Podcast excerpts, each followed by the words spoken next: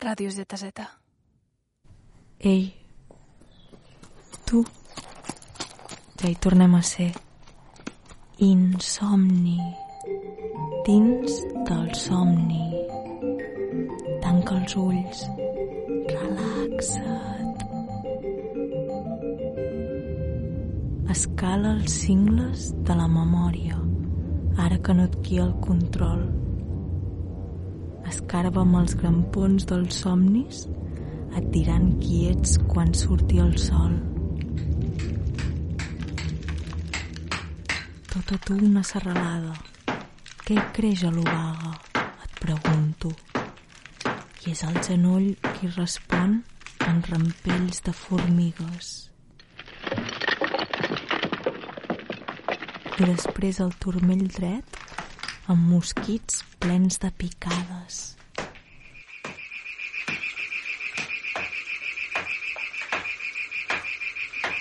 I els ulls tancats com dos altiplans amb l'herba molla de les pestanyes. Oh, les natges que es llavissen i fan ball. Una vall on llacs tremolosos s'embarbussen. Sovint, malllauradament, recorda el cos muntanya. Tell me a story, Henrik. Tell me a story about climbing mountains. Ooh, that's one way to fall asleep. The stories bore even me. Then tell me what you love about it. But the, the absolute simplicity. That's what I love. When you're climbing, your, your mind is clear, freed of all confusions. You, you have focus. And, and suddenly, the light becomes sharper, sounds are richer, and you are filled with the deep, powerful presence of life. Dosnia Presnik, para Krusten Berade. Aquell estiu vaig rebre una carta del Dersu i no vaig entendre què coi va passar allà perquè no venia de la muntanya. De Brande muntanya.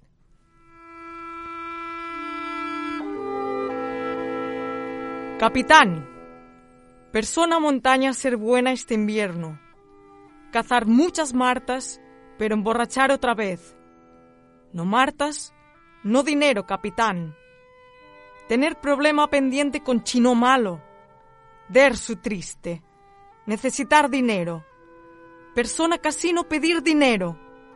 Dersu no entender cueva con luces. Pero Dersu gustar. Whisky no pagar solo.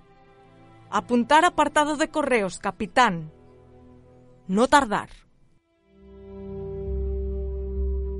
Dersu Uzala, pel·lícula d'Akira Kurosawa del 1975. Una història d'amistat més enllà del xoc cultural entre algú que ve de la ciutat i algú que és criat dins del bosc.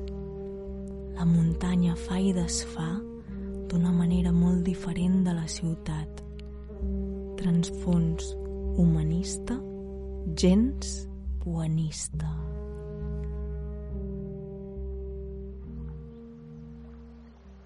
A, a veure, Suzala és com que Uzalà, no? Diuen, diuen. Uzalà. Uzalà. Dersu Uzalà. Que jo sempre ho havia pronunciat com amb, la, amb les nostres regles, però clar, quan te l'escoltes en rus, Uzalà. Són, són agudes totes. Uzalà. Eh, eh, diu, pues, a- en aquí la muntanya en realitat és com part d'un d'un paisatge més ampli, no? que és el de la taigà i que Sí. es Taiga manifesta... o taiga? Oh, mama! Taiga. Tot planes, no? Ai, Sí. uh, agudes. A partir d'ara només paraules agudes. Vale. Vinga, va, taiga. Vale. Vale. I vale. llavors... Vinga, digues, digues, digues, perdó. No, no, això, pues que, que, que en realitat és com un tot que té les seves pròpies regles, que té els seus propis misteris, no? i que s'han i d'alguna manera doncs, s'han s'han de respectar i només qui viu allà, qui ho coneix de, de primera mà, doncs és el, qui pot desenvolupar-s'hi no? i entendre allò, no? el que ve de fora pues, bueno, arriba tota aquesta expedició. El, el que ve de fora és l'explorador, mm. que és el que va bueno, investigar aquell terreny, no? per, per qüestions topogràfiques també i no sé quina història. Però que al, al final, sí, no, no és tant la, la muntanya en si mateix com, com la natura, en el sentit mm. més ampli, perquè al final és una pel·lícula que en si mateixa és un aprenentatge eh, sobre com ens relacionem amb la naturalesa. I de fet és significatiu com comença, que, que va el, el, el capitán a, a, a buscar la tomba del Desolzala, no? perquè comença així, després mm. hi ha un mm. flashback. Sí.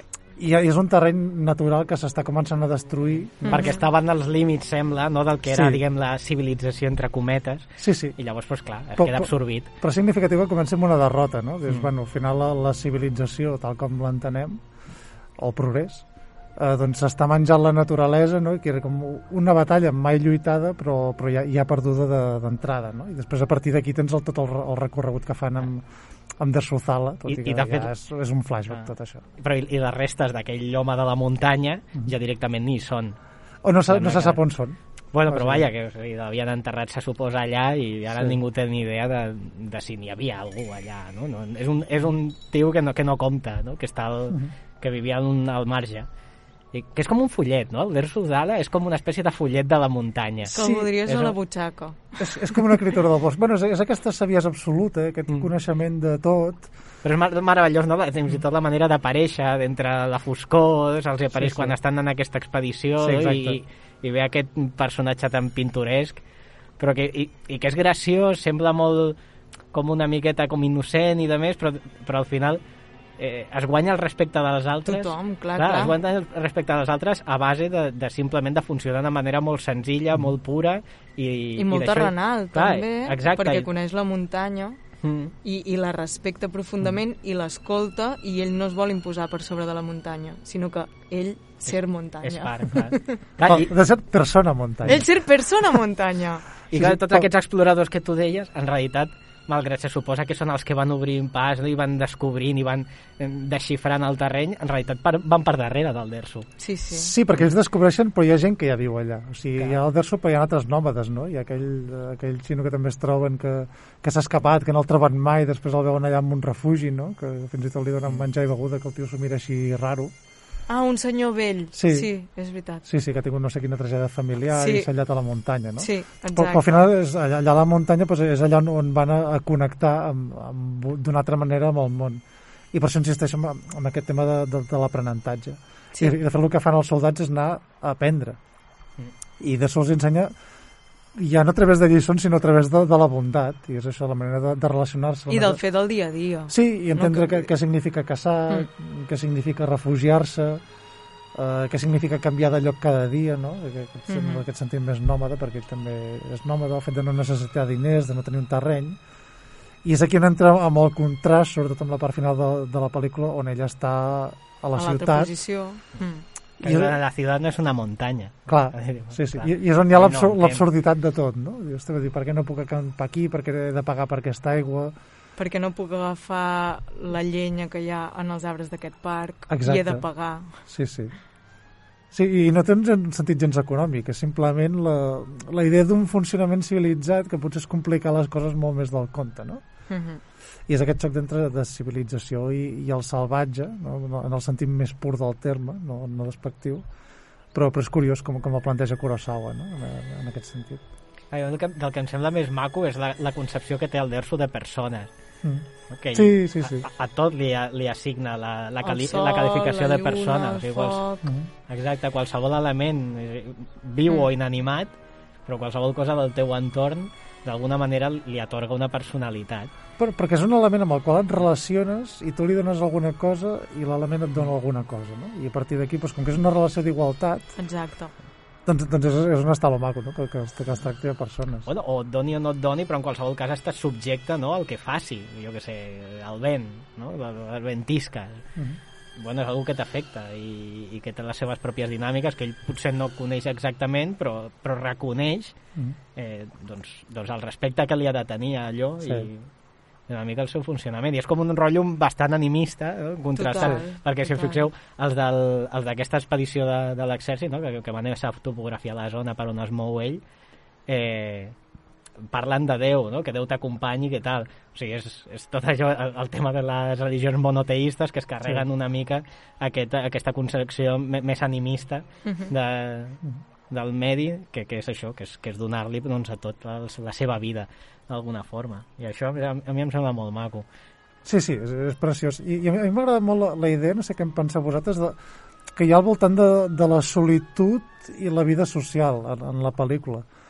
Perquè al final ell, ell és una, un ésser solitari i que s'ha quedat sense la família. Sí, però, però que es relaciona com molt fàcilment, però, que, però ja no entén la, la relació social com un mecanisme, sinó com una cosa que passa, no? És, és temporal, és en una situació donada, i en aquest sentit ho dones tot, no? Igual que, que quan caces un animal, no? Ara ets tu i aquell animal, no? Eh, pues ara ets tu i aquella persona, sí. i si us torneu a trobar perfecte, i si no, pues no, no? Ja, ja ha passat aquest temps. No? I l'extrem d'això és quan deixa coses pels que vindran després. Exacte. Sí. Arribes a un campament i tu te'n vas, i en principi allà no se sap si arribarà algun cop algú o si trigarà un mes o un any en passar-hi algú, però ell li deixa doncs, la fusta... El, el que sigui, per... arròs i sal. Perquè puguin encendre un mm. foc, clar, és mm. això, és, és clar, com una visió, és, és, mm és com ser part del tot no? d'una sí, manera sí. molt íntima. Sí, és, és la cosmogonia de, de l'univers i de la natura, no? Pues tu en formes part i tu et relaciones amb tothom sense, sense saber-ho, no? És una metonímia. bueno, és, és humanisme al final. Sí, és, sí, sí, total. És, és tan senzill com això. Sí, però extrem, però això però sí, sí, clar, clar, és... però molt centrat en lo natural, clar. en realitat. I, bueno, i després i, i com ho dibuixa del Kurosawa amb aquests plànols amples que a mi em semblen molts d'ells semblen quasi quadres sí, jo estava pensant, hi ha, hi ha molts moments que, que dic, hòstia, podria donar-li la pausa aquí i això ara ho pintes per sobre i, i ho col·loques al Museu dels Impressionistes, tio, jo què sé. Sí, perquè a més té aquella mm. textura i la manera que té Kurosawa de fer composicions també amb el moviment, però amb els elements naturals. I, i els allarga molt, vull dir que et dona temps mm. d'assimilar aquella, aquell quadre. No, sí, sí, sí. Per això és una pel·li que vols veure al cine.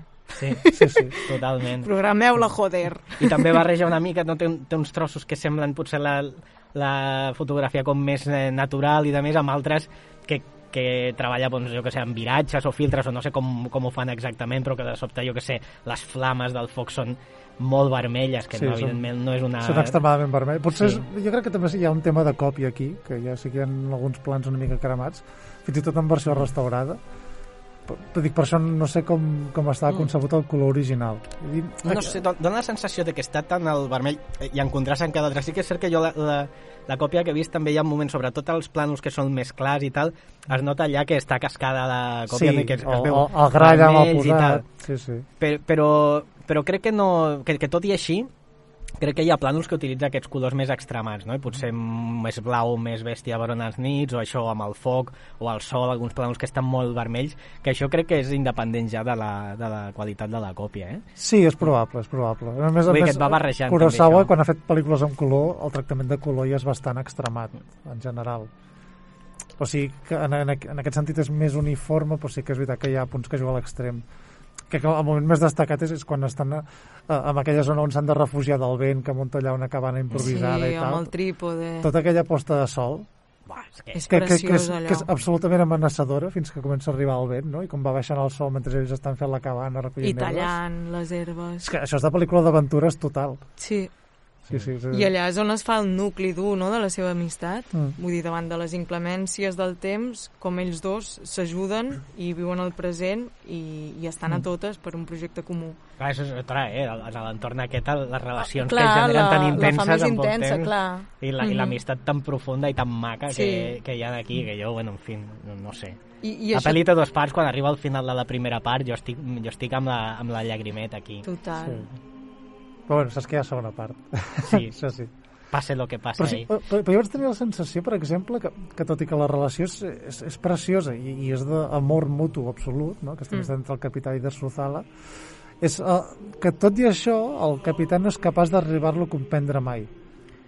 O sigui, el, el fet de, per ajudar-lo a emportar-se a la ciutat, cuidar-lo ell, que al final l'acaba desnaturalitzant el fet de regalar-li el rifle, no? Però ell mai ja el reté, també, si et fixes. En no, no, el moment clar. que ell diu jo sí, vull tornar... vull marxar, ell li dona el rifle, sí. saps? Simplement ell, sí. ell, crec que aquí està la meravella. Digues, digues. Ah, no, no. Que, que dic que en realitat és simplement el recurs que ell té per ajudar-lo, que potser no és el que necessita, però és el que ell li pot donar. Clar. I el deixa anar. hi ha perquè ella al cap, clar, és una persona realment oberta, no? Aquest, Sí. O sigui, és una persona de ciutat, però que també està oberta a conèixer aquestes altres modes de viure, no? I, a, i això... I a sentir des del cor, mm. i ja està, i no voler comprendre més. És com amb aquesta persona vibrem i ens respectem i ens estimem. Clar. I és igual qualsevol cosa, saps? però a és la així, vegada el ell és conscient sentim. que no deixa de ser un, un animal de ciutat.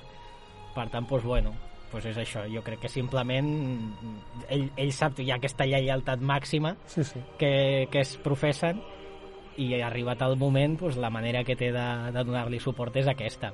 I al final, doncs, bueno, sembla Passa que que no, no passa. pot ser. Sí, però és això, que al final l'amor mutu doncs, també es cometen errors i al final doncs, bueno, les, les coses passen com passen també.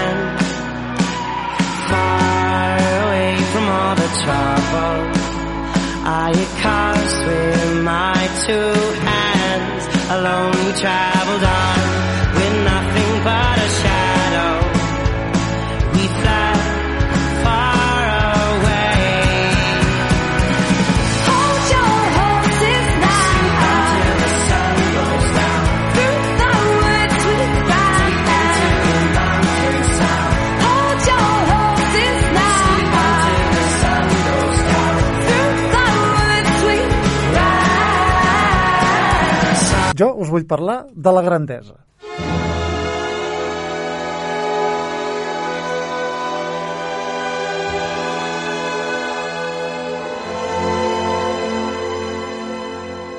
Bueno, excel·lentíssim, Por fin algo que habla de mí. tío. il·lustríssim. Per fi, per fi. Un tema que conozco. Estic familiaritzat íntimament amb la grandesa. No, perquè eh, eh, per qüestió de veure pel·lícules de muntanya m'he estat fixant en, en com es roden les muntanyes. I crec que en, cinematogràficament hi ha un concepte associat a la muntanya que és la, la grandesa. S'intenta retratar aquesta grandesa. I m'he estat fixant doncs, quin llenguatge es fa servir doncs, per, per retratar això. Um, la primera cosa, i crec que és important, és la, la verticalitat.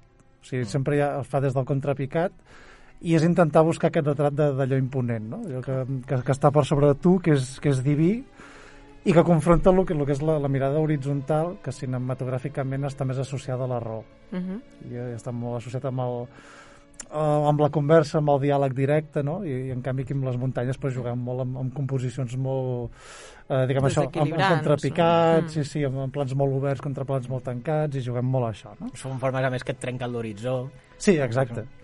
Sí, sí. Pues quedeu-vos amb aquest concepte, verticalitat. Uh, L'altre és la relació entre allò sagrat i, i els cims, perquè al final la, la, la història d'un ascens és com la narració d'un paisatge espiritual, no? És Mhm. algú que s'està elevant per arribar a un estatus eh, superior, que està més a prop dels déus, no? Tantes religions també tenen eh, muntanyes eh, associades a déus i, i aquest peregrinatge doncs, està portat a acostar-se a lo diví, no? perquè són, són els punts més alts de, de la Terra. Uh, un altre punt és que a nivell compositiu es fan molts plans oberts i hi ha molta preeminència del cel en aquestes composicions. No, és, no està mai equilibrat, la muntanya no està mai ocupant molt espai, sempre és el cel el que ocupa molt més. No? Que també és magnitud, no? Sí, en, encara li està donant més magnitud a, a l'espai. O sigui, és, una mica allunyar-se de l'acció i això porta un factor psicològic. I a més a més, això sí, ja s'hi afegeix els personatges, que si l'acció està molt lluny, eh, és més important, Uh -huh. perquè t'hi has de fixar més. I com que no, la pots, no hi pots arribar, doncs et genera com una certa impotència, no? I a més a més, amb aquella imposició de l'espai, dius, vale, o sigui, el que està passant allà, És toig. ho veguis o no, no és, és, és que és totxo i és inevitable Clar, clar.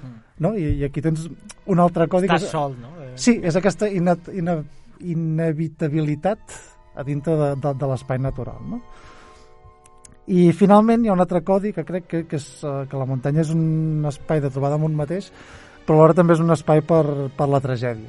I és aquí on hi ha la lluita de, de l'home contra la naturalesa, no? Eh, Que és eh, el que aconsegueix superar els perills i està disposat a, a pagar un preu per assolir una fita, doncs té, té un premi, no? que és arribar al cim i aquell cim és, és el triomf, és, la, és la, la grandesa màxima, no? és tot superar la natura, superar tots els obstacles i estàs a dalt de tot. Uh, tots aquests codis que s'han fet servir històricament en qualsevol tipus de cinema on apareguin les muntanyes, ja parlem de, de tragèdia, cinema d'acció, qualsevol cosa, uh, tenen un origen, que és amb, amb el gènere del, del Bergfilm, uh, que és un gènere alemany que es va popularitzar molt als anys 20, que és directament cinema d'alpinisme, és, és, és traducció directa, no? I aquest cine va sorgir perquè a Europa es va popularitzar molt l'alpinisme al, al segle XIX, i fins i tot es van crear clubs d'alpinisme, o sigui, hi havia un, un club d'alpinisme britànic que era l'Alpine Club, eh, que, que era molt aristocràtic, però en canvi a Alemanya se'n va fundar un que es deia l'Alpenverein, Que era que- col·lectiu, no? que, que era popular, era popular. I per això és, A més, també t'ho dic, eh? Escalar a, a Anglaterra no és el mateix que a Alemanya, tu, No, que però- el, els pics que tindran... sí, però curiosament tothom anava als Alps. Ah, vale. este és el rotllo, saps? Que... Vale, vale. Jo m'hagués apuntat si s'haguessin quedat allà a Anglaterra, Sí. que són facilitos. Sí, per això es veu que per veure sí que els alpinistes alemanys, o els que es dedicaven professionalment a això, sobretot estan molt emprenyats amb aquesta massificació de, del, de l'alpinisme, no? perquè al final tothom anava a aquestes muntanyes, que és les que tenim més a prop, i és l'alpinisme, però també anar a esquiar, bueno, tot el que seria excursió a muntanya, que, o trekking, no sé quina diferència hi ha amb anar a caminar, però bueno. Eh, què sé, és vestir-se Sí, no sé. vestir a la. Decathlon. Exacte, és el que anava a Ja dir, quechua. Quechua, exacte. Si vas de quechua és trekking, no? Exacto. Exacte, però bé, què passa? Si una cosa és popular entre la gent, això es trasllada a la cultura. I es van començar a escriure novel·les d'alpinisme, així com, com xurros, i llavors es van començar a fer pel·lícules. Uh, és com el western americà, eh? que també era un gènere que sortia de, de lo popular, es, es van fer pel·lícules, llavors es van fer novel·les, en aquest cas va, va ser al revés, no? Però dintre de, de, de, del Bergfilm, que es va començar a popularitzar als anys 20, destaca una figura uh, que és Arnold Funk, uh, que aquest era... Oh, M'estic imaginant el Schwarzenegger, però... Exacte. Amb el baix. Ah, Arnold Funky, eh? Però bé, aquest era alpinista i, i a més a més era fotògraf. I clar, per tant l'evolució natural el portava doncs, doncs gairebé a, a fer cinema, no? I es va començar a introduir, a jugar amb la càmera i fer pel·lícules de muntanya. A més a més, rodant a la muntanya de veritat, eh, totes les accions que feien eren reals, eh, no treballaven en dobles, i això vol dir, vol dir que bàsicament eh, era un perill de mort constant treballar amb D'aquí aquest... ve Herzog. És, és que Herzog ve, ve molt d'aquí, eh? I crec que justament amb, amb Grita de Piedra doncs, juga moltíssim amb, a- amb aquests codis que, que feia servir Fang, no? I, i bé, això són eh, actors doncs, això, eh, que els queien allaus per sobre, que, es- que es fotien mal. És que a més el tio feia bogeries com col·locar càmeres subjectives als esquís. Però clar, una Mare càmera subjectiva llavors... Hòstia, clar, pesa, pesa com un mort. Clar, és un allò. tio esquiant amb una càmera agafada i saltant, però saltant, eh? O sigui, és que és molt loco. no és la GoPro, saps? No, no, no, no, no en És com absolut. l'entrenament del Goku, És- allò, saps? és una GoPro de 50 quilos. Posa-te-la al cap, saps? Però, però ell, ell va evolucionar molt amb aquest tema compositiu. Per exemple, té, té un curtmetratge que és documental, teòricament, que es diu El fenómeno de les nubes de Maloja, que és de 1924, i, i aquí, per exemple, que, que és un documental per veure un, un fenomen d'uns núvols que es formen al voltant de la muntanya, Oh. pel, pel tio juga, per exemple, on, on separa els poblats amb els homes, doncs juga molt en plans horitzontals, els confronta amb la muntanya, eh, fa superposicions, uh -huh. no? Utilitza els núvols per, per separar el món dels homes de- d'allò més dividit de la muntanya. Això és un documental, eh? I realment és, és superinteressant. I ell, bueno, doncs això, el, es va treballant després en pel·lícules, um, entre elles com per exemple La muntanya sagrada o L'Infierno Blanco de Pitts Palou, que aquesta no, no l'he vista, però que les dues les va dirigir amb, amb Greg William Pabst, que és, que és un, un dels directors més importants de, del cinema alemany, en aquest cas no de l'expressionisme, sinó de, de la vessant més realista, no? que és el que li donava més aquest sentit narratiu a la manera de, de rodar que, que tenia Pabst. Um, el, de, de, perdó, el que tenia Fang. Uh, aquesta història en Fang va servir per, per descobrir una persona que és una actriu que es deia Leni Riefenstahl, Ah, que venia del ballet Que va estar amb el nazisme, no? Fent Sí. els vídeos. i ella, doncs, ell- ella era ballarina, era actriu, i va començar, i tam també havia pres alpinisme, pel seu compte, com una tia molt hecha pa'lante, i va entrar a treballar al cinema justament amb, amb la muntanya El sagrada. dilluns tenia italià i els dimarts tenia el pini. Ah, sí, i esgrima i no sé quines històries més. Eh? uh, molt loca. Punto de cruz i alpinismo. No? Sí, sí. Doncs, doncs ella es va apuntar amb això, però clar, alhora que eh, doncs, eh, feia d'actriu, doncs també li interessava eh, com, com es rodava, com es produïa una pel·li, i diem que, que va, ser, va, va seguir un procés d'aprenentatge, doncs aprenent tant de, de paps com de, de fang, no? Uh, com que la muntanya sagrada és segurament la pel·lícula més coneguda d'aquest gènere i la millor perquè tampoc eren grans pel·lis, moltíssim triangles amorosos i la gràcia era veure paisatges. Mhm. I eren pel·lis que no estaven gens valorades per la crítica, però sí que popularment tenien molt èxit. I si popularment tenien èxit, això vol dir que quan es va alçar el règim nazi, o sigui, Hitler s'hi va agafar ja com... Clar, clar. Li molaven a ell, no? Sí, a ell li molaven. Tota Bueno, i aquesta, veia la tota grandiositat la dels paisatges no? i només també tot el ajudaven a inflamar el sentiment nacional, no? Clar, doncs, el potencial. Efectivament. Això te, te pone palot. Clar. Sí, sí, sí, i t'hi va agradar, hòstia, l'alemany superior, no?, que supera els perills de la natura i tal, però això, això va intentar incorporar. Uh, va coincidir que l'any 32 va debutar Leni Riefenstahl amb, amb una pel·lícula que no és del Bergfilm, però sí té molt de protagonisme en una muntanya, no?, que es diu La, la Luz Azul, uh, que és un poble envoltat de muntanyes, que de cop i volta apareix una llum per les nits, eh, doncs que, que fa com una crida, no? I Mhm. al final hi ha una història com que hi ha unes joies allà i de com els éssers humans ho corrompen. Bé, tot això. Aquesta pel·lícula la va veure Hitler i li va encantar i va decidir que contractaria Leni Riefenstahl per fer una pel·lícula sobre ell, que era El triomf de la voluntat. Mhm. Uh, tot allò que us he explicat al principi és perquè recordeu aquelles tècniques de, com la verticalitat, com aquesta proximitat als déus, uh, com aquest triomf sobre la resta de la humanitat i com aquella rellevància dintre de l'espai, uh, Mhm. per sobretot, es traslladen al triomf de la voluntat, en aquest cas no per retratar una muntanya, sinó per retratar Adolf Hitler. I per això m'interessa que aquest recorregut que es fa de gravar una cosa natural per donar-li aquesta dimensió eh, que tu com a, com a ser humà doncs, t'impacta, doncs, veure una muntanya. Aquest aprenentatge va servir perquè, per retratar Hitler com si fos una muntanya, d'alguna manera, i donar-li amb aquesta grandesa, amb aquesta obra mestra, perquè és així, amb aquesta pel·lícula tan èpica que és el, el triomf de la voluntat, encara que l'estètica sigui de valors, diguem que, dubtosos.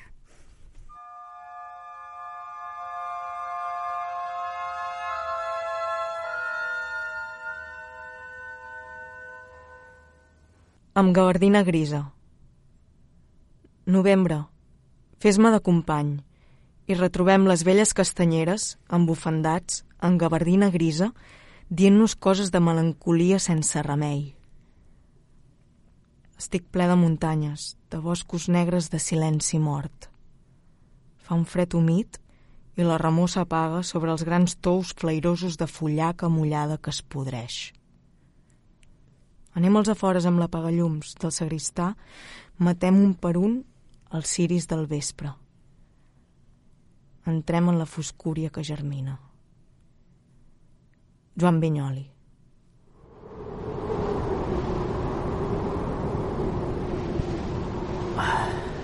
Tengo que llegar hacia arriba. Esta experiencia siento que me va a cambiar la vida. Muy poca gente ha llegado hasta aquí. Han sido años de entrenamiento, pero... Ah, Una cuesta más. Ya casi estoy. Habrá valido la pena.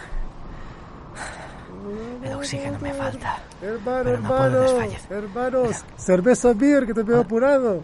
No, ¿qué, qué cerveza beer? Tengo hashish también, Que- ¿no? 8000 metros se pone bien. No, no, tengo que seguir. Sí. Va, sigue. Ya casi estás. Crema Vas a solar? Sí, home, i tant, i tant, Pere, un Aquí al moment. coll, eh, Ai, sobretot. Que vas molt desabrigada aquí, eh? Mira que estem amunt. Però bueno, ¿Qué es va. esto? Ai, gràcies. Un momento, pero sí. La pendiente es de 15 grados. Toda esta Per gente... favor, seguiu-me cap allà.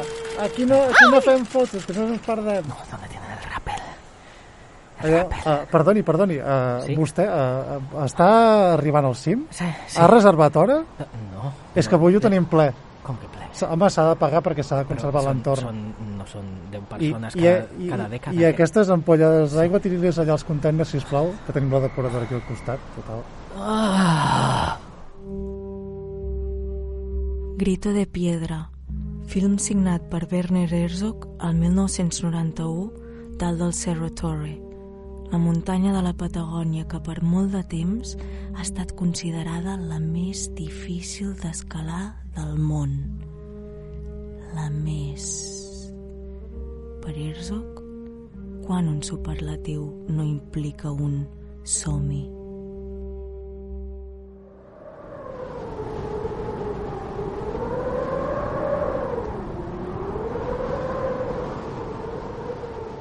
Em sembla fascinant la relació que té Herzog amb la natura, en general. Perquè té moltíssimes pel·lícules, ja sigui ficció documental, on la relació amb el, amb el medi, amb l'entorn, és, és bàsica.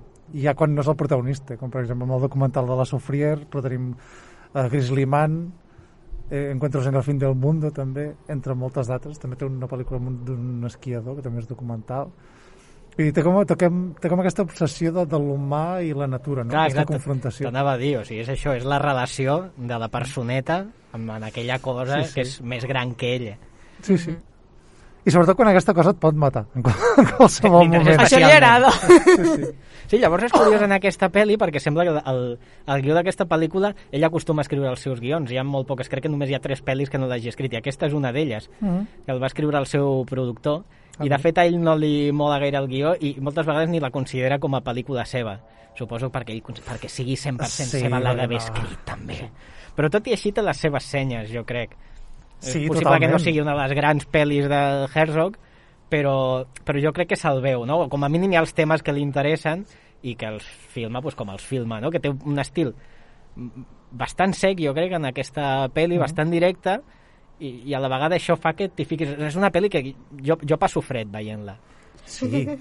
no? no, però aquí Herzog jo també crec que apareix a puntades, però, però em sembla que, que és una pel·lícula amb moltes capes. Mm. I em sembla brillant. I sí que els protagonistes són, són molt eh, herzogians, seria, no sé si seria aquest el terme, però que és això, són, són, solitaris, són monomaníacs, que, és això, que, que tenen aquesta obses Obsessius, no? obsessió, de, però d'una co- d'una cosa fins a la bogeria, i que va fins al límit. I fins al límit vol dir que, això, que pots estar a punt de morir amb, amb aquesta obsessió, no? I en aquest cas són aquests escaladors que volen escalar aquest pic impossible que és el Cerro Torre. Sí, és que d'alguna manera és com que aquestes capes, o sigui, no, no, t'esperaries que sortissin al guió, tampoc és que sigui molt sofisticat, És que, bueno, però no sé, el- apareixen el sense guió crec que no són, eh? Però jo, jo, de fet, sí, sí, és que és això, em vaig trobar que la pel·lícula deixa, deixa un pòsit eh, que, que no t'esperes mentre l'estàs veient que Mm. te'l vagi a deixar, almenys a mi em va, em va passar això. I d'alguna manera la, la muntanya acaba sent una mica com la projecció de l'ego d'ells. No? Totalment. Exacte. I també... Han d'escalar el seu ego. Total. I per això aquí també em fa molt... Vull dir, que crec que cal mirar el fet dels mitjans de comunicació, no? que és un fet molt present de tota l'espectacularització que hi ha al voltant dels mitjans Sí. i com al fora, l'exterior, és el que et dona el beneplàcit de que has fet allò.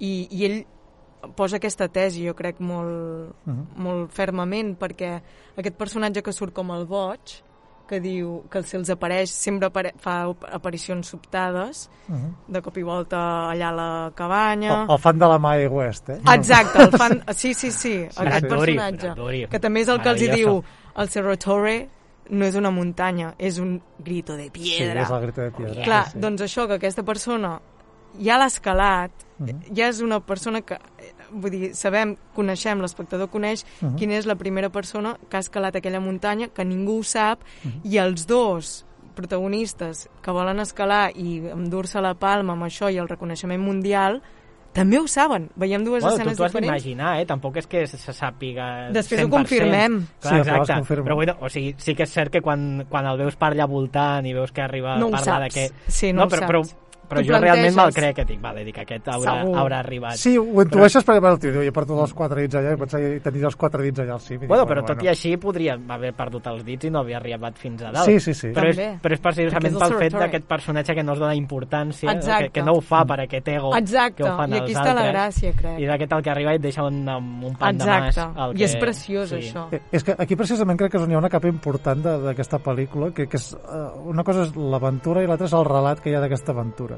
Mhm. I, i, I de fet la pel·lícula comença amb, amb el mateix Herzog que surt allà doncs, muntant l'escenari televisiu pel concurs d'escalada Sí. que està dintre un pavelló, no? I, i després això ho intenten reproduir... A 4K, a 4K here. Exacte. 5K A fi- there. 5K there. And Another 5K. Clar, clar. Clar, I després això ho intenten reproduir a l'exterior i el resultat és que no es veu res. Que és per, perquè tu la veritat a la natura no la pots observar perquè no hi ha espectadors. I, i aquí hi ha una tesi. I l'altra és a través de, del personatge aquest, el periodista que fa el, el Donald Sutherland, Hmm. que és aquest tio al qui no li importa la veritat, o que no. No. en un moment donat li havia importat, Sí, però Ara que, ja no. Sí, d'entrada tu el veus Ara el com que un professional guai, no? Clar. Almenys jo, jo començo amb aquesta percepció d'ell. Cap, el, el tio Mm. té aquesta obsessió també, que és de, de ser el que expliqui la gran història, i li és igual si és veritat o no. Ja que seria la història de la seva vida.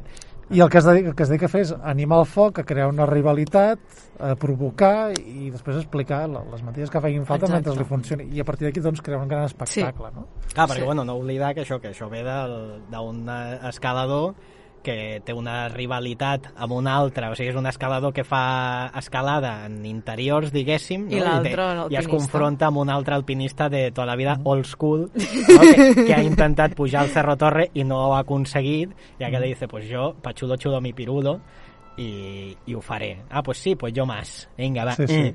I llavors és aquí on comença la cosa, no? Machirulos. Está, se- se tiene un punto, sí, es un poco medirse las pollas, ¿no? Sí, Això. sí. total. I- I... la tia que queda allà super mal retratada, pobra. Clar, bueno, sí, la tia Bueno, li toca sí, la el, el, el paper aquell que li toca, que De és, de, dona és la, de- la secretària, pobra. i Sí, està sí. allà pues, bueno, de suport no, del, que, del que està pues, mesurant-se la pitxa, Sí, bàsicament. fatal. Bàsicament, sí, sí.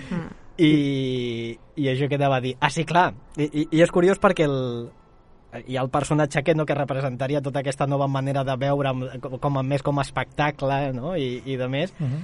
que, Que per això és el jove. que és el jove clar, El- el versus, Rizal. versus el lomo plateado Marching. no? I, més, i, i fins i tot més obsessiu jo diria Uh -huh. que l'altre però que ens ho mira amb un respecte diferent Que perquè l'altre té por directament, li, li fa por tornar Ah. a fer aquell, o tornar a intentar fer aquell cim, per, no, per això no es decideix mai escalar fins que l'altre no està mitja pujada. Clar, clar I hi ha càmeres mirant. per, per segona vegada, que aquí és una de les gràcies, no? Sí. que al principi de la pel·lícula fan, fan això, fan aquesta primera expedició que sembla que mai no arribaran a escalar allò, Mhm. fins que un es llença Uh -huh. i diu que, la, que ha arribat fins a dalt i nosaltres, bueno, tu, tu has de creure o no jo, en, en mi caso jo no me lo creia en ningún moment, No, vull dir no, allò no. I, i és curiós perquè està, té té elements de, de realitat això, sembla que el, el primer escalador que va dir que el, el 59 que havia escalat el Cerro Torre un, un italià, el Cesare Maestri eh, sembla que no el va escalar de veritat i també deia que això que a la baixada havia perdut a l'acompanyant i, i de més vull dir que, que això que està, que està basat una mica en el, en el que va passar realment amb el, amb el Cerro Torre que és veritablement un, un pic xungo de- Sí, sí. d'escala Sí, sí.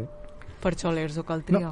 No, i, I per això el filma com el filma, perquè és la, la primera aparició del Cerro Torres és aquella càmera panoràmica Mm. que va escalant la muntanya, no? que, que més va sonant a, a la música clàssica, em sembla que és, que és Tristany Isolde, crec, de, de Wagner, que va posant de, amb, amb aquella pujada de la càmera fins al pic, i li dona aquest respecte i aquesta distància que, que, que és monumental, i aquí és on entra el seu estil naturalista, no? com, com també a vegades que és silenci absolut, només se sent el vent, o, o se sent el gel trencant-se, no? que, que es queda amb, amb, amb el protagonisme de l'espai per sobre del protagonisme de la gent, no? I, i, i és aquí on entra aquest cinema de Herzog més, més natural. O sigui, a mi hi ha una escena que m'agrada molt, que és el Donald Sutherland intentant atravessar una palanca. Ai, com parla de l'amor. Sí. I s'entrebanca. I, sí, és, que, és que fot un vent de És l'hòstia. preciós, allò. Però penses, diu, hòstia, estava d'atravessar la palanca de veritat, saps? I després, i després li devia dir, grava una veu en off per això que ho posaré. Vull dir, me l'imagino així, eh? No sé. Sí, és que això, aquesta, aquesta cosa molt gravat en, en brut, no?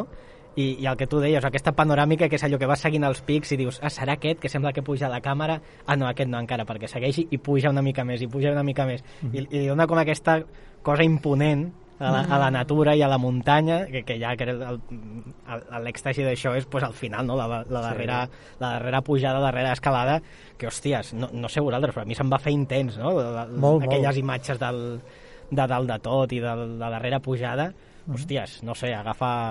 No, i, i el- fet també de com entren els elements de la natura, bueno, els, o ele- elements atmosfèrics en aquest cas, ja sigui el vent, la neu, pluja... Eh, o sigui, serveix per donar-li personalitat a, a la muntanya també. La muntanya és un, és un personatge que està allà però Total. que, que no parla, Mm. però al moment que tenen por i arriba el vent, dius, hòstia, aquí està passant alguna cosa, la muntanya ens està dient coses, no? El fet de que hi hagi una tempesta quan estan escalant, no que és com una prohibició de de fins aquí dalt no arribareu, i és la manera que té la muntanya de comunicar-se, en aquest cas amb, amb els dos escaladors, no? I, i és molt interessant com Herzog juga amb aquests elements per, per incorporar-los a la pel·li, i narrativament és, és preciós, realment té, té moments admirables. Clar, I a vegades això es, es, es relaciona amb que per ells la muntanya és, és equival a, a un repte, el repte a superar i el lloc de confrontació, el lloc on s'enfronten pues això, fins i tot diria s'enfronten per l'amor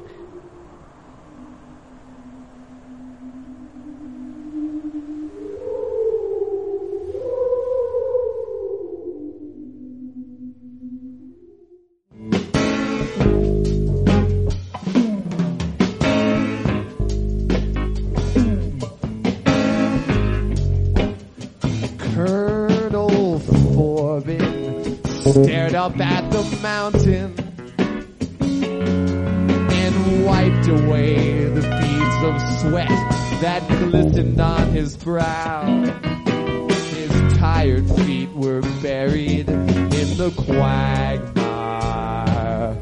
and his bloodshot eyes saw all that lay between him and fulfillment of his vow.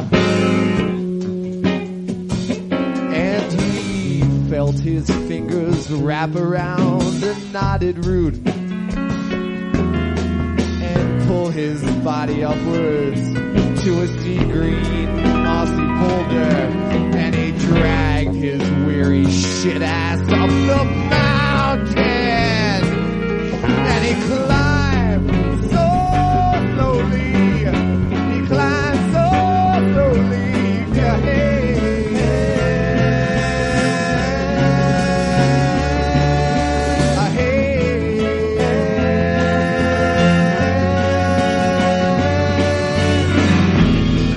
Muntanyes del Canigó. Muntanyes del Canigó, fresques són i regalades, més que més ara l'estiu, que les aigües són gelades. Tres mesos hi sóc estat, sense veure persona nada, sinó un trist rossinyolet que nit i dia cantava, més ara em penso que és mort, tres dies ha que no canta. M'ha vingut enyorament i una cruel mala gana. Ningú no m'entén el mal, ningú coneix el que em mata, sinó una nina que hi ha que és la meva enamorada. Un dia jo l'encontrí, l'encontrí a Punta d'Alba, al torrent de Sant Martí, l'encontrí que ensabonava. Jo li dono el Déu te guard, paraula no m'ha tornada. Jo que li torno a donar, i ella calla altra vegada. Jo no sé en què comparar-te, amb el vent o amb la gelada. Te compararé amb el vent, que cada hora fa mudança. Al matí ben serè, a les onze marinada, a migdia vent de dalt i a la tarda tramuntana. Mossèn Cinto Verdaguer. Well, there once were two cowboys all alone out on the trail. And they discovered they could sleep with another male. Now they're having gay sex. Cowboy gay sex.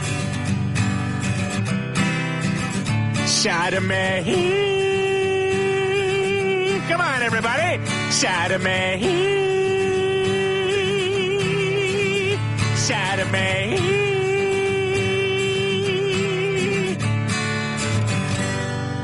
Sodomy. Brokeback Mountain és una pel·lícula dirigida per Ang Lee de l'any 2005.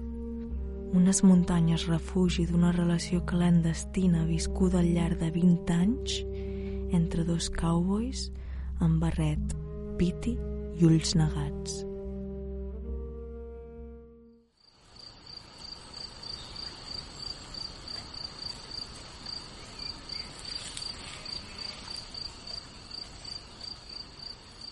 Comencem pels noms.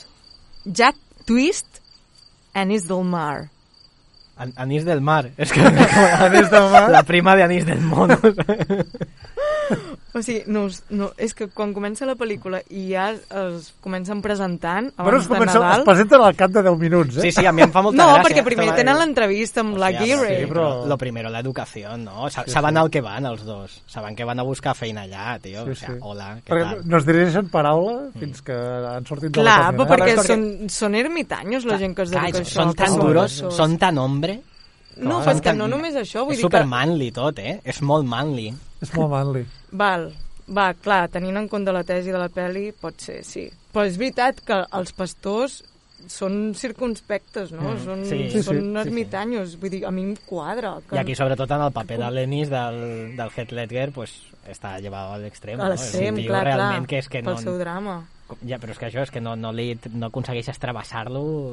Bueno, perquè ell ja, ja arrossega traumes Sí. d'infantesa. A hòsties, lo- l'aconsegueixes travessar a hòsties, quasi, quasi. Sí, sí, sí. Bueno, ja Self- se'ls busca. Però bueno, quan, Self-made man, no seria això? Pues, Sí. sí, potser. Hecho a sí mismo. Hecho, ja, Bueno, no? así mismo y, y por el a sí entorno, mismo. eh? Vull dir, En castellà, que ho entén tothom. Ja, ja, ho hem dit en anglès, en castellà. En català no... Un curtit, un curtit, Eh, joder, és un curtit que es diu Ennis del Mar. Eh, O sigui, no trobeu meravellosos aquests noms triats des de guió? Jack Twist, o sigui, un plot twist, What a twist. i Ennis del era, Mar, clar. o sigui, el tio més dur i té el mar a dins. Hòstia, no havia pensat. en Sí, no, no, jo Ai, també. que, que bonito, ja està. m'encanta, m'agrada encara més la Perfecte. història d'aquests Que dos. I a, I a més m'agrada no, com l'entorn d'aquí, la muntanya que és tan tan gran tot aquell entorn, no? que, és, que, Mhm. que et, queda, et quedes empatitit i tot i així està presentant com, com un espai acollidor. Sí. De postal. manera, no? Vull dir, se'n poden fer postals. Però és una meravella de paisatges, això, que eh? allò que és que, madre mia. Però, I com ho acompanya sempre amb aquella guitarreta, no? que de sobte li dona això, li dona més calidesa que en el lloc més humanitzat. No? Malgrat estar allà mm, pues, A su, subjecte, exacte, subjecte a les inclemències i de Mm. més, però fins i tot amb aquesta duresa de, de vida és un lloc on, hi, on, on ells concretament hi poden viure millor Sí, que eh, eh, és, que, és que la pel·lícula estructuralment és cruel, perquè, clar, o sigui, comences la pel·lícula amb la història d'amor, que és, vale, estan a un espai a la muntanya, aquesta muntanya de, de Brockback, on, on la seva història, el seu amor és possible, Uh -huh. i llavors quan baixen a la Terra és, és ja on tens el drama perquè, perquè no encaixa per enlloc. Clar. Sí. Ja sigui per, per No la- oblidem, 1963 comença la relació, Se eh? situa en 1963. Això és important. Sí, sí, sí. que jo em vaig tornar loquíssim, eh? perquè, clar, no sé si us va passar a vosaltres, però clar, l'estètica cowboy és, a mi em va semblar bastant atemporal Mm. i el primer moment que, que em vaig plantejar, un moment, eh, de quin any estem parlant? És quan apareix la mare de la, de la nòvia del, del Gyllenhaal, del Twist, Uh -huh. que yo dije, what a twist, ¿en qué año estoy? ¿Sabes? Li veig allà el, el, el, 2000, 2078 Ne Neo Tokio li veig el pelucón i digo, pero vamos a ver si això era 2005, saps? sí, sí, sí. No, no. I llavors l'altre diu... Llavors em quedo ja allà tot ratllat, saps? Mitja hora més fins a l'altre. S'han divorciat al 72 i diu, ah! ah! Alerta! Vaya, Shyamalan No, el 75. Però t'ho diu juro que jo, durant gran part de la, bueno, de la primera meitat, estava molt dubtós de, de quan estava passant allò. Però és que segurament està fet expressament Sí, sí, per- suposo. perquè Clar, perquè seria tan fàcil com començar amb, amb el típic eh, intertítol, no?, de PAM, 1963. Sí, sí, ala. sí. Però, però de fet, és, és que és això, quan comencen a entrar el, els valors o la moral que embolcallen la història, Mm. arriben tard, perquè tu, Mm. tu, ja has, tu ja has viscut els seus romans allà a la muntanya.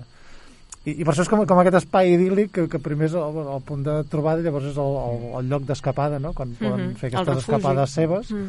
que tothom les sap, ningú les vol reconèixer, i que, que això, això em sembla molt interessant, tant amb, amb les seves parelles, com fins i tot el seu capatàs quan els veu la primera vegada junts. Sí. I, i és curiós com, com, com retraten, eh, com, com diria, aquesta desafecció o aquesta por de reconèixer l'homosexualitat, saps? Que, Per part d'aquí. De tothom. De tothom. Però fins i tot d'ells. Bueno, el Jack Twist sembla que és el que Sí, més ho té una sí, mica assumit, jo crec, tant. no? Sí, Bueno, de home, és el que i més ho parla clarament amb els seus pares, no? Sí. Bueno, Sí, no sé sí, si ho parla clar. clarament o es comporta com mm, ell creu Però els que hi diu els seus desitjos, manifesta els seus desitjos, cosa que l'Enis del Mar no ho faria mai. No. No, no, mai dels mai. Mai dels De, mai. de, de fet, jo És pocs, infranquejable. pocs personatges he vist tan atormentats i, i, i vull dir, no sé, i tan destructius en si mateix amb el que li envolta de rebot, sí, no? Sí, sí.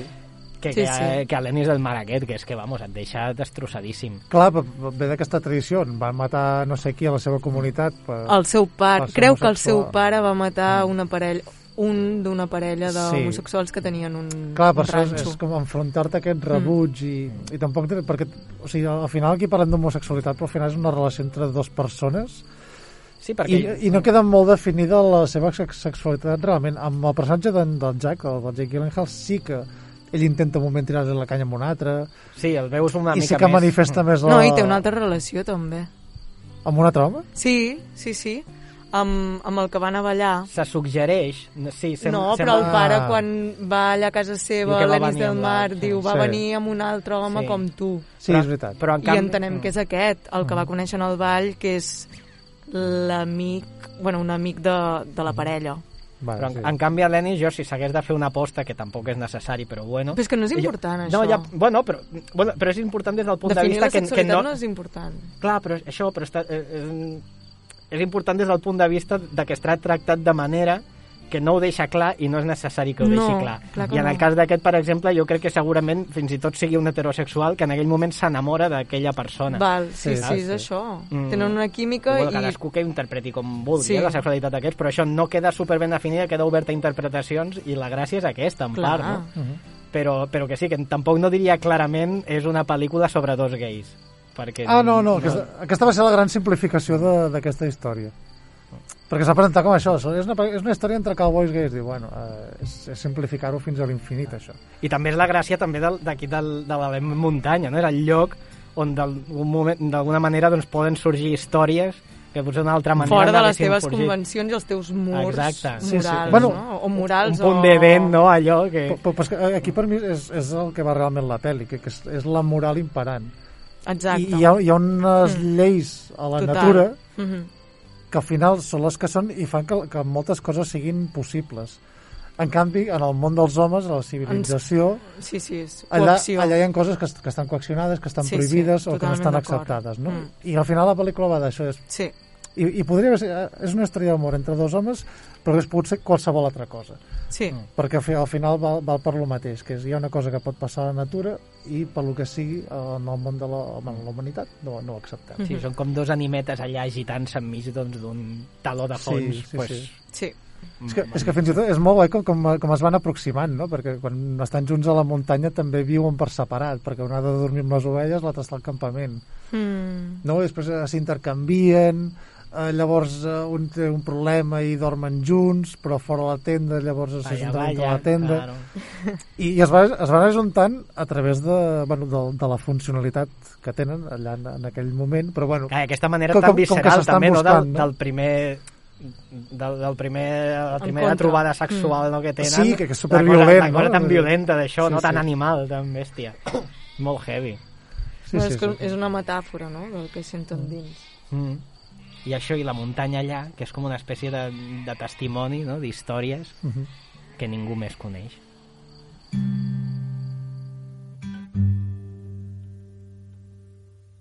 Walking home from church on Sunday with the one you love. Just laughing, talking, making future plans. And when the folks ain't looking, you might steal a kiss or two. Sitting in the porch swing, holding hands. In my Tennessee mountain home, life is as peaceful as a baby's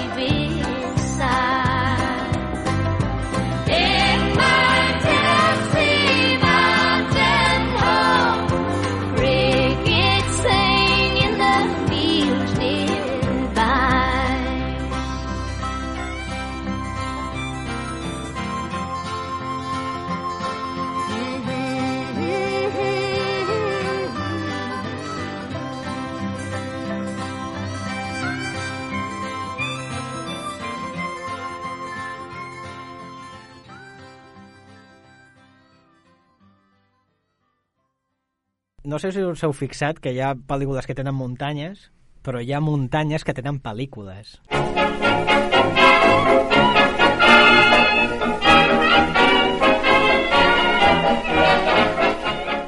Eh, no, no. Somos, so- somos seres humanos, ¿cómo era? Somos personas. So- No. que tenemos seres humanos. Bueno, whatever. La Paramount.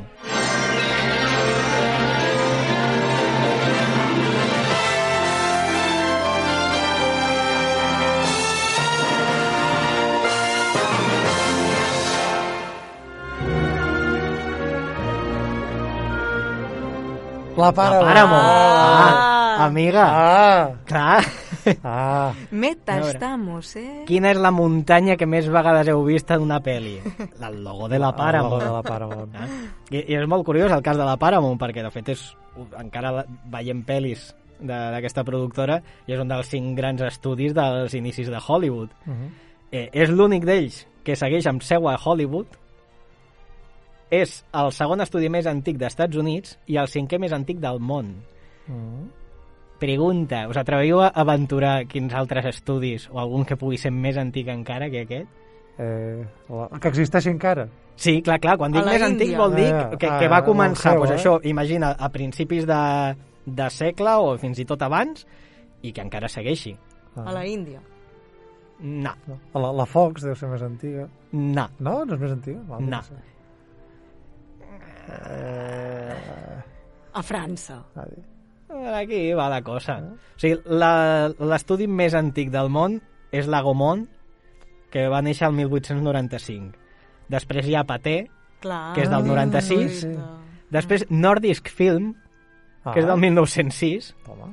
I això Fíjate què tu. és, a dalt? A això? Sí. Almeria. Nordisk Film, Volia Sud-àfrica. una data concreta, vale? I no m'ho heu dit. O sigui, que I, xapeu-vos. i, la, I la més antiga de- de- d'Estats Units seria la Universal, però vaja, però per qüestió no de dies, eh? t'interessa. Universal Digues, té digues. sentit perquè abans ve l'univers que el rest. Equiliqua, sí. Bé, bé, bé. que és del, del 1912 i, i res, es diferencien en dies eh, de creació, vull dir que està allà ahí. Inconscient col·lectiu. En qualsevol cas, el, el logo, no? D'on ve? Doncs mira, la Paramount va néixer el 1912, però no sota el nom de la Paramount, que és que, esto, és que sempre és molt complicat tota aquesta història als inicis, perquè com, el, no deixa de ser empreses que, se, que canvien de nom, que se fusionen, que no sé què. La qüestió és que el 1912 va començar una productora que es deia la Famous Players Film Company, que es dedicava Mm. doncs, això, a fer pel·lícules i volien agafar doncs, penya de, de renom. Mhm. val? I en els següents anys, entre el 1912 i 1914, hi va haver diversos moviments, que és una història una mica confusa, però el cas és que va fer una transició al que seria la Paramount Pictures Corporation, i que és el nom que se li ha quedat o, o s'ha considerat que la Paramount es va fundar en el 1912 perquè diguem que de manera natural aquella mateixa empresa doncs, va passar a dir-se Paramount, Mhm. però el que feien des del principi, des del 12, era fer, fer pel·lícules. Fet naming, una cosa de naming. Clar, dins de tot això, Branding. qui és l'autor del, del logo? Pues un tal William Watsford Hodkinson. Per això no recordo. I a veure... Clar. I ara veureu d'on té nom de malaltia greu, eh? Hòstia, sí, no? El síndrome de Watsford Hodkinson. Bueno, no, vu- no ho vulguis pas pillar, eh? Sí, sí, muerto a los 15. eh? Joder. Bueno, aquest paio va néixer a Kansas, val? però el 1907, o sigui, va, va passar ja la infància, o part de la infància, a Utah, i el 1907 estava, estava obrint alguna de les primeres sales de cine a Ogden, Utah. Per, per això li agraden les muntanyes. Eh, por ahí va la cosa. Clar, ell va comprar ràpidament a diversos competidors, es va estendre a Salt Lake City, del mateix estat, Mhm. eh, llavors es va ficar en una companyia que es deia la General Film Company i es va convertir en un dels principals distribuïdors de la costa oest. Val? Llavors, a partir d'aquí, es va expandir també a Los Angeles, a San Francisco, i el 1914 va juntar 11 firmes de lloguer, que hi havia per allà més petites, i va crear la primera distribuïdora d'abast nacional, és a dir, de tots els Estats Units, perquè les pel·lícules es distribuïen doncs, a nivell més local, no? d'estat o de llocs més petits. No hi havia una infraestructura com perquè els hi sortís a compte aquell negoci. Però ell va fer la primera. I es va inventar coses com, a, com la venda de pel·lis en pack del rotllo, val, m'agafes aquesta però també m'has de comprar aquesta i aquesta. I a la vegada tenia, doncs, també tenia aliances doncs, de petites productores que li subministraven aquestes pel·lis. Que, que això és la base d'ara. O sigui, les teles compren a packs. Clar, de fet, perquè et facis una idea, se l'anomena l'home que va inventar Hollywood Mm. directament, Ah, que vale? perquè va canviar tot el met, tota la manera de, de produir, distribuir i exhibir el cinema. El cas és que d'aquesta gent amb la que es portava per vendre les seves pel·lis estava la Famous Player Company, que us he, que us he dit abans.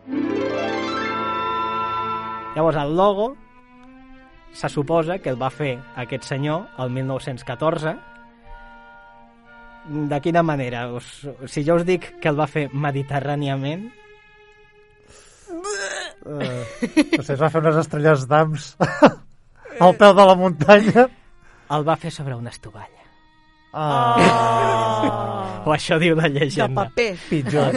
I sembla que aquesta versió ja incloia doncs, una muntanya i amb 27 estrelles al voltant. Que perquè jo Ah, he vist Per el- què era 27? Eh, ara, ara anirem per aquí. Ah, Ah, perquè ah. les 27 no ho tinc gaire clar. De fet, jo he vist del primer logo una versió també amb 29. O sigui que Perquè són les famous stars, aquestes. hi ha coses por ahí, por ahí. Ah, Sí, però, però vaja, que ja us dic que això era com una mica variant i de fet tots aquestes, aquests detalls segons quina font et miris, apareix amb més o menys estrelles, et posa que és un any abans, un any després, però bueno, eh, així més o menys. Aquest, aquest logo el va fer en teoria aquest paio en una estovalla en una reunió amb l'Adolf Zukor, que era el fundador de la Famous Players Company, val? amb la que s'entenien. Vale? I estava inspirada en aquesta muntanya, precisament en el Ben Lomond, que és una muntanya que hi ha a on? A Ogden, Utah. Clar, clar. ah. I que ell havia estat veient doncs, Quilòmetre molts zero. anys. Clar, Clar. quilòmetre zero total. Que es la va fer, no és exactament igual, eh, però bueno, la fa, va fer de memòria aquella forma. Que, que inicialment que ell- el logo de Paramount era un dibuix o ja era així en plan més foto? No, és, està bastant dibuixat... És, és, un, és ja un dibuix, els primers és un dibuix Vale. bastant elaborat, eh? Ah, Però, però això, però és un, un dibuix Sí, sí, amb, amb afany realista, Sí, diguéssim. sí. Mhm. El que passa que versions posteriors són més, eh, més sofisticades que la primera que pots veure. I així és com s'ha quedat fixada la, la història, que era arrel de records d'infància que ell doncs, va fer aquí. Què va passar amb el Hodkinson dins de, dins de la Paramount? Pues bueno, perquè es feu una idea, dos anys després, el 1916, eh, es va formar la Famous Players Lasky, que això va ser fusionant la Famous Players Film Company, que us deia, i la Jesse L. Lasky Feature Play Company. Que original. En fusionar-se van posar el nom mitat i mitat de cadascun. Ja em torno a dir. I La segona, la, Sí. la Jessie L. Lasky Feature Play Company. Pues I la fusió Jessie. era la Famous Players Lasky. Són, dit Lucky. Jessie. Jessie, sí, pues qui fos eh, se llamava Ah, vale. Jessie.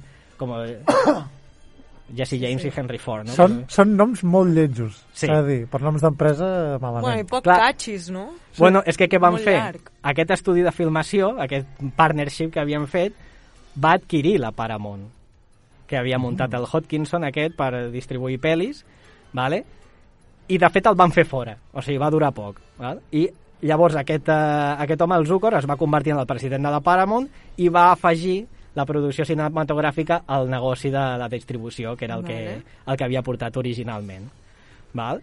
I llavors, bueno, el Hodkinson aquest va vendre les seves accions poc després i ja va seguir la seva carrera doncs, en, altres, en altres companyies de Hollywood. Llavors, quan el logo és el logo més antic que sobreviu de Hollywood. Val? Us feu idea de quantes variacions ha tingut al llarg del temps? 32.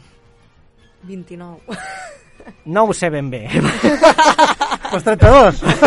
perquè de fet, clar, hi ha com set grans grups no, de- d'encarnacions de, de la muntanya i de fet a les primeres dècades és que realment varia molt però diguem, com a disseny de base hi ha hagut com set etapes en el, en el logo. Val? La primera d'elles ja va ser la que va agafar un sobrenom que li deien la Majestic Mountain, que ja té com un rotllito, eh? un rotllito royal allà, allà guai. És bastant millor que Hutchinson. tio.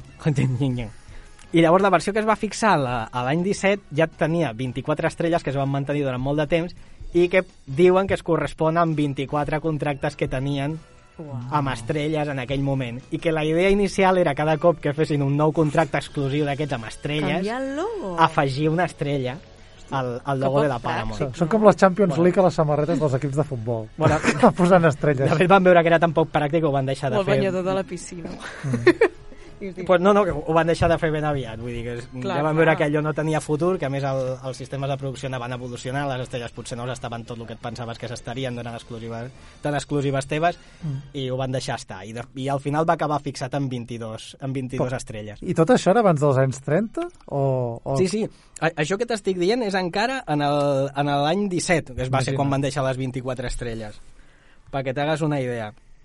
Llavors, la, el, el redisseny més famós és el de l'any 51, val? que van agafar el Jan Domela, que era un, un artista, eh, que de fet era el cap d'artistes del Departament d'Efectes Especials de la Paramount, i va estar fent made painting, saps? Aquesta, aquestes pintures per fons, de, per paisatges de pel·lícules, Mhm. val? va estar allà fent-los des del 1928 fins a- fins al 1968.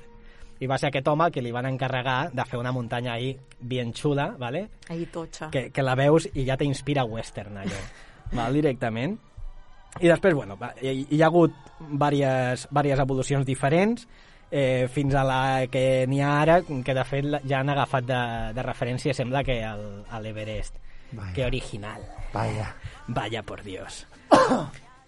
Després hi ha vegades que s'han fet petits eh, jocs amb el logo. Eh? El, meu, el meu favorit, clar, és el de, el de les pel·lis d'Indiana Oh, Jones Indiana Jones, sí. que és aquesta meravella no, de, de, de fer una, un fusionat no, del, del logo inicial amb després una muntanya. La primera d'Indiana Jones amb aquella de Perú, on estan fent la inspi- l'expedició inicial, a la segona amb un gong del club musical, a la tercera és un, un pic, em penso que, de, que és de Colorado o d'on?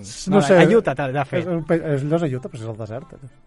Bueno, però a Utah també hi ha desert. Ah, Està, hi ha desert a Que totes variant. bandes. I l'última, que potser és la que més m'agrada perquè és un cau de gosset de Sí. les praderies. Sí, sí. I és potser és el millor moment de la pel·lícula de, El reino de Calavera de Cristal. Llavors, així, com a última... Com a últim trivial, A va, veure, a veure. un rotllo de pel·lícula Mhm. caben 11, 11 minuts de cinema sonor, Mhm. diguéssim. Quina muntanya val?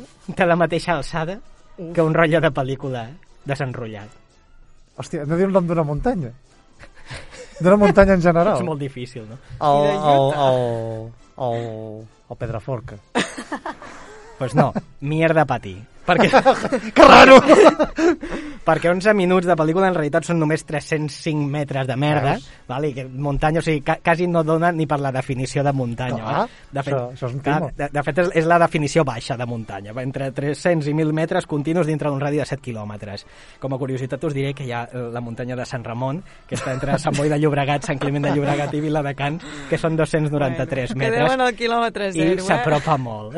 Per tant, la Paramount es va fundar a Sant Boi de Llobregat. Estàs dient això? Equilicua. Caso cerrado. Molt bé, Tete, molt bé. Molt bé.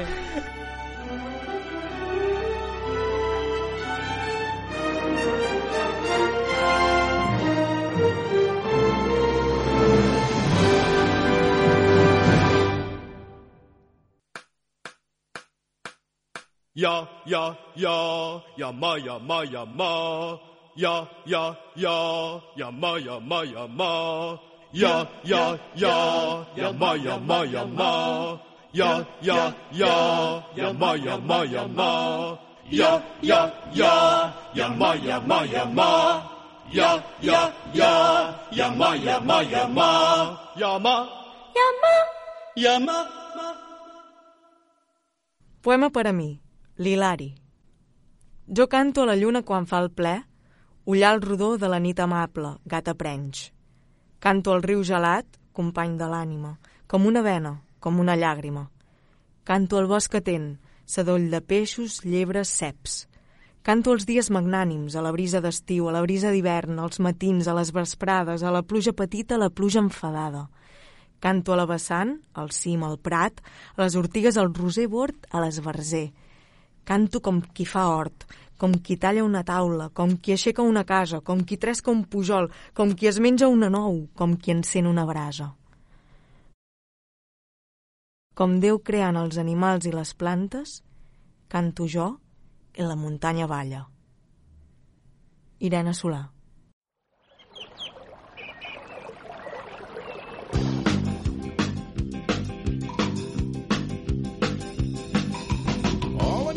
Amics i ara el Soriguel i les culleres cantant en català. Sí, és un espai patrocinat per la Generalitat de Catalunya.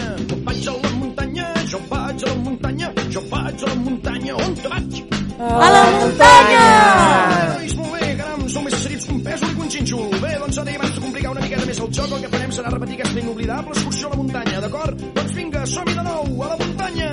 Jo vaig a la muntanya, jo vaig a la muntanya, jo vaig a la muntanya, on te vas? A la muntanya!